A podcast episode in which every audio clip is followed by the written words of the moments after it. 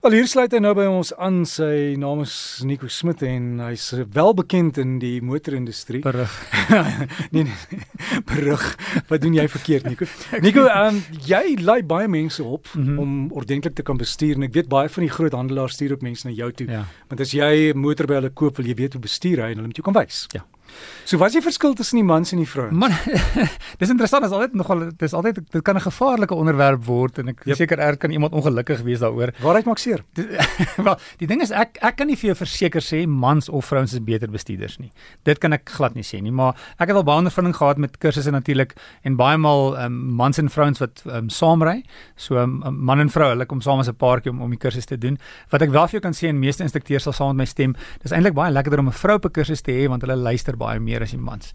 Jy weet jy kan nie vir ons vertel hoe om te braai nie en jy kan nie vir, vir mans vertel hoe om 'n vuur te maak nie. En jy kon nie vir ons vertel hoe om te bestuur nie. Ehm um, en in hierdie geval is ehm um, vrouens is geneig om baie meer te luister. Ek hulle is gewoonlik baie voel baie meer geïntimideerd en ek dink 'n kursus is nogal 'n intimiderende plek as jy as 'n kliënt kom. Ehm um, en dan gewoonlik ook is daar mense wat baie strooi voor die tyd praat en groot praat ry en ek kan jou nou al sê hoe, hoe, hoe meer groot praat hoe minder bestuursvermoë. Daar's altyd vir my 'n baie sterk korrelasie hoe meer mense praat. Ons het as instrukteurs baie maal gesê ek hoop daai persoon is nie in my kar as hulle so baie praat nie want jy weet jy gaan 'n harde dag hê. En, en jy weet hoe groot kan iemand se oor rek op die glybaan? O ja, verseker. Ek het en ek het al 'n uh, ongelooflike dapper vrou gehad. Een keer sies wat ek onthou is 'n vrou wat in 'n ongeluk was en het gesê kan ek asseblief net voor dit was sy wat sy motor ongeluk gehad, maar sy is hier om die kursus te doen, kan ek asseblief saam met haar of sal ek haar deur die kursus vat en ek weet en op die glipblad as ons 'n oefening doen terwyl ek dit doen en sy so benou dat sy huil van die van die van die stres van van wat voorheen gebeur het, maar as sy bestuur dan klim sy in en sy sy doen dit. Dit was ongelooflik hoe dapper sy was om om om oor daai vrees te kom. En en die rede hoekom ek dink 'n kursus is goed is jy vir jouself vra of jy nou man of vrou is, maak nie saak nie. As jy nou ry en jy moet die rem jy moet hard rem, weet jy wat gaan gebeur met jou kar en weet jy om die kar te beheer? As jy die antwoord nee is, is dit nie moeite werd om 'n kursus te doen. So, 'n um, man of vrouens maak nie saak nie. Ehm um, die vraag was eintlik van my van my neef se uh, of, of se vrou of sy het gesê, "Hoorie, kan ek nie bietjie net eendag praat oor wat is goeders wat belangrik is vir vrou want daar's baie enkel vrouens wat wat wat bestuur ehm um, en wat is goeders wat vroue veral moet na kyk, maar ek dink mans ook ons dis soos 'n kursus. 'n Kursus is nie moeite werd vir mans of vrouens, maar dis baie lekkerder om 'n vrou by bestuurskursus te hê omdat hulle baie meer luister en dit baie meer toepas. Alhoewel weet so hulle is gewoonlik die verskil vrouens is gewoonlik bietjie meer versigtig en partymal is dit ook nie 'n goeie ding nie. So ek dink 'n kursus leer jou om met selfvertroue te bestuur. En dis wat wat een van die beste goeders op die pad vir jou kan wees is om met selfvertroue. Almal dink natuurlik hulle is goed, maar selfvertroue gaan oor ek weet as die kar gly wat om te gebeur. Ek het 'n vriendin, ek het eendag by haar gekom toe sy 'n uh, winkelpop wat op 'n stoel sit. Vra gen dit sê sy Dis my rymaatjie. As ek in die aand ry, dan gaan die pop op die sitplek ja. langs my. Ek gordel die pop in, klere aan, hoed op. En mense kyk nie twee keer nie. Dis net twee mense nie. Ja, dis nie is nie 'n vrou wat alleen ry nie. So en dis 'n ander ding wat ek dink nogal belangrik is, is veral later in die nag, ongelukkig in die stede is dit gevaarlik. So dis nie 'n goeie idee om later in die nag vrou alleen te ry nie. As jy moet, moet jouself nie vasry nie. Met ander woorde, as jy ry, moet jy bietjie meer beplan. So kyk na die verkeersligte. Moenie stop by 'n rooi verkeerslig en dan wag en wag nie. Want dis wanneer jy die, die gevaarlikste vir jou is. So beplan eerder die verkeersligte en hou spasie. Byvoorbeeld daar waar ek bly, um, by die R21 is dit ongelooflike verkeerslig. So selfs ek in die aand as ek daar moet ry, ry ek eerder stadig af en ek kyk wat gebeur en wanneer die lig oorslaan, ry ek oor om myself nie in 'n gevaarlike situasie te sit. So selfoon in die kattebak het nie aandag aftrek nie, handsak nie onder die sitplekke nie. Ja, Derek, jy doen ja, jy nee, presies, jy, jy ek sien net my lysie hier so. Verseker, ja. moenie met hoeke ry nie. Hoeke, ehm um, mans of vrouens hoeke is nie 'n goeie idee nie. Ehm um, ry eerder met plat skoene en en en skoene wat wat vas kan haak um, en ook nie kaalvoet nie. Ehm um, ek gesien ehm um, die handrem net vir interessant die handrem in jou kar kan ook 'n noodrem wees. Nie die handrem wat jy trek met die knop en die krr, maar die baie nuwe voertuie se handrem is 'n is 'n klein knoppie met 'n P op. So die handrem trek jy en en as jy die handrem wil ehm um, af afsluit of afskakel, druk jy knoppie af. Maar gewoonlik meeste karre bo 10 km/h as jy daai handrem knoppie optrek en hou, dan gebruik jy die sluitweerrem of ABS remme. So jy kan dit in enige spoed doen en in 'n noodgeval gaan dit die die voertuig al vier die die bande rem stem. Dis 'n ander ding ook wat 'n goeie idee is. Jou eienaarshandleiding is seker een van die beste goeders wat jy nie gebruik nie. So ehm um, kennis is mag. So as jy 'n nuwe kar gekoop het, vat die eienaarshandleiding en lees hom. Daar's ongelooflike goeders wat jy kan sien wat jy kan leer oor jou voertuig en hoe goeders werk, sodat jy ook verstaan waarvoor is hierdie liggies of wat beteken elke ding in die kar. Ehm um, as ons net praat 'n paar goeders oor jou kar, leer om 'n band te ruil. Dis hom so so 'n belangrike ding en dis weer eens mans of vrouens leer hom kry iemand om jou te help uh, om, om om te leer om en dan moet jy dit doen. Hy moet dit die die die persoon moet dit nie doen nie. Jy moet dit self doen sodat jy self sien waar kom die domkrag. Daar's gewoonlik 'n plekkie vir die domkrag. Ehm um, die moeilikste gewoonlik om om 'n band te ruil is eintlik die wielboute wat vas wat baie stram is. So wat jy kan doen is ehm um, kry iemand vir jou om om om om uh, ons praat van 'n lever action. Wat sê dit in 'n mooi Afrikaans? Nou iets wat jou wat jou jou wielspanner bietjie langer kan maak sodat jy meer wrinkrag kan hê.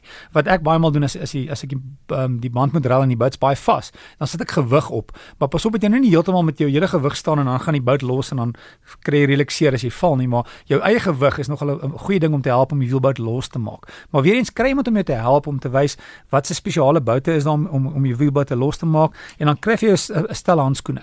En dis weer eens uh, handskoen is 'n goeie ding want as jy ergens in ry en jy moet die band ruil, is die band baie mal warm. Sommige tuinhandskoene, net daai ja, lekker dik is. Dis, ja, jy, weet jy wat jy kry ongelooflike lekker tuinhandskoene wat wat so rubber aan een kant het en materiaal aan die ander kant. Hulle is nie baie duur nie. Hou dit in die kattebak as jy band moet ruil, werk dit soos 'n droom.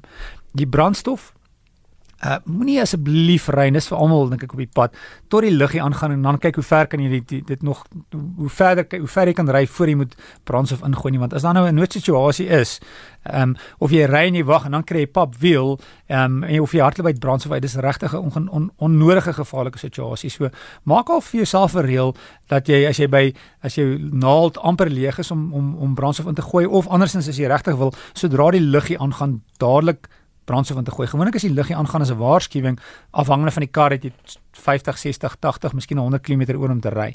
Maar moenie tot die laaste wag vir die brandstof ingooi nie want as jy dan uit brandstof uit hardloop as jy onnodig staan nie langs die pad en dis dan regtig maar 'n redelike gevaarlike situasie. As jy nou na jou kar kyk by die volstasie, wat is belangrik goed om na te kyk is jou banddruk jou jou grimering. Ja. ja. As jy stil staan, nou is jy op die huis dink ek.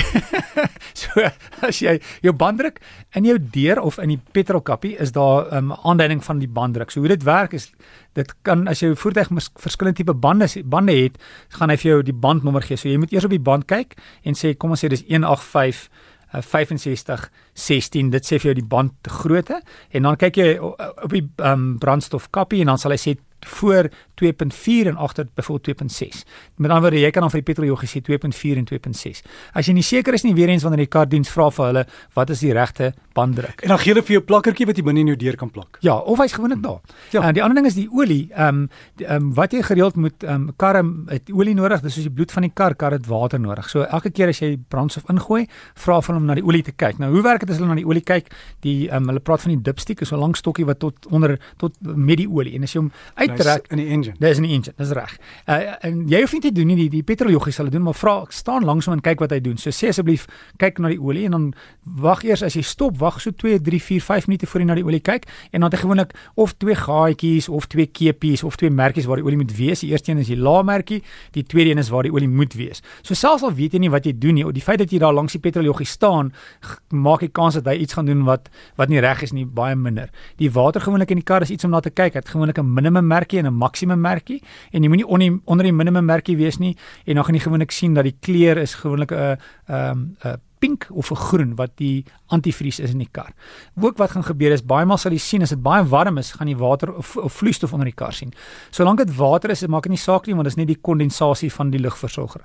As daai vloeistof onder die kar olierig is, is dit baie sleg want dit is natuurlik olie of as die water olierig is, dan is dit hulle praat van ek dink die materiaal se naam is glycol, met ander woorde in die antivries, eh, as dit seeperig voel, dan is dit ook nie 'n goeie ding nie want dan beteken dit dit is in in die verkoelingsstelsel van die kar, maar as dit net gewone water is, is dit net net die kondensasie ehm um, van die lugversorger.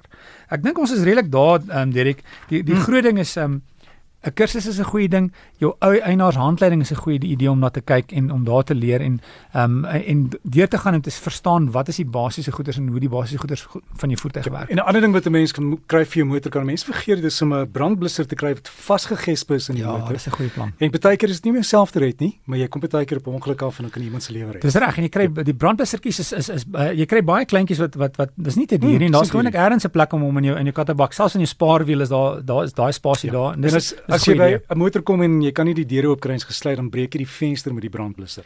Ja, maar ja. maar jy het 'n skerpend nodig. Pas op, jy weet. Dit dit ook. Dis reg. Van ja. buite af miskien is dit maklik, maar van binne af moeilik.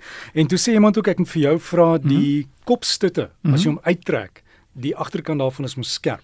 Kan ja, jy dit gebruik? Ek weet nie of dit net 'n die, die van hierdie legendes wel, stories. Om 'n venster te breek is nie maklik. Ek ek het dit self al gedoen ook. So ons is op Geotech en iemand se voertuig, die sedel in die voertuig gesluit op 'n stadium met ons groot 'n groot klip teen die venster gegooi en dan hy, hy, hy spring net in die venster af. So wat 'n venster ehm um, breek is 'n puntlading. Met ander dis hoekom hulle ehm um, 'n skerp skerp punt is iets wat 'n venster breek. So 'n puntlading gaan 'n venster makliker breek as 'n groot klip of 'n baksteen.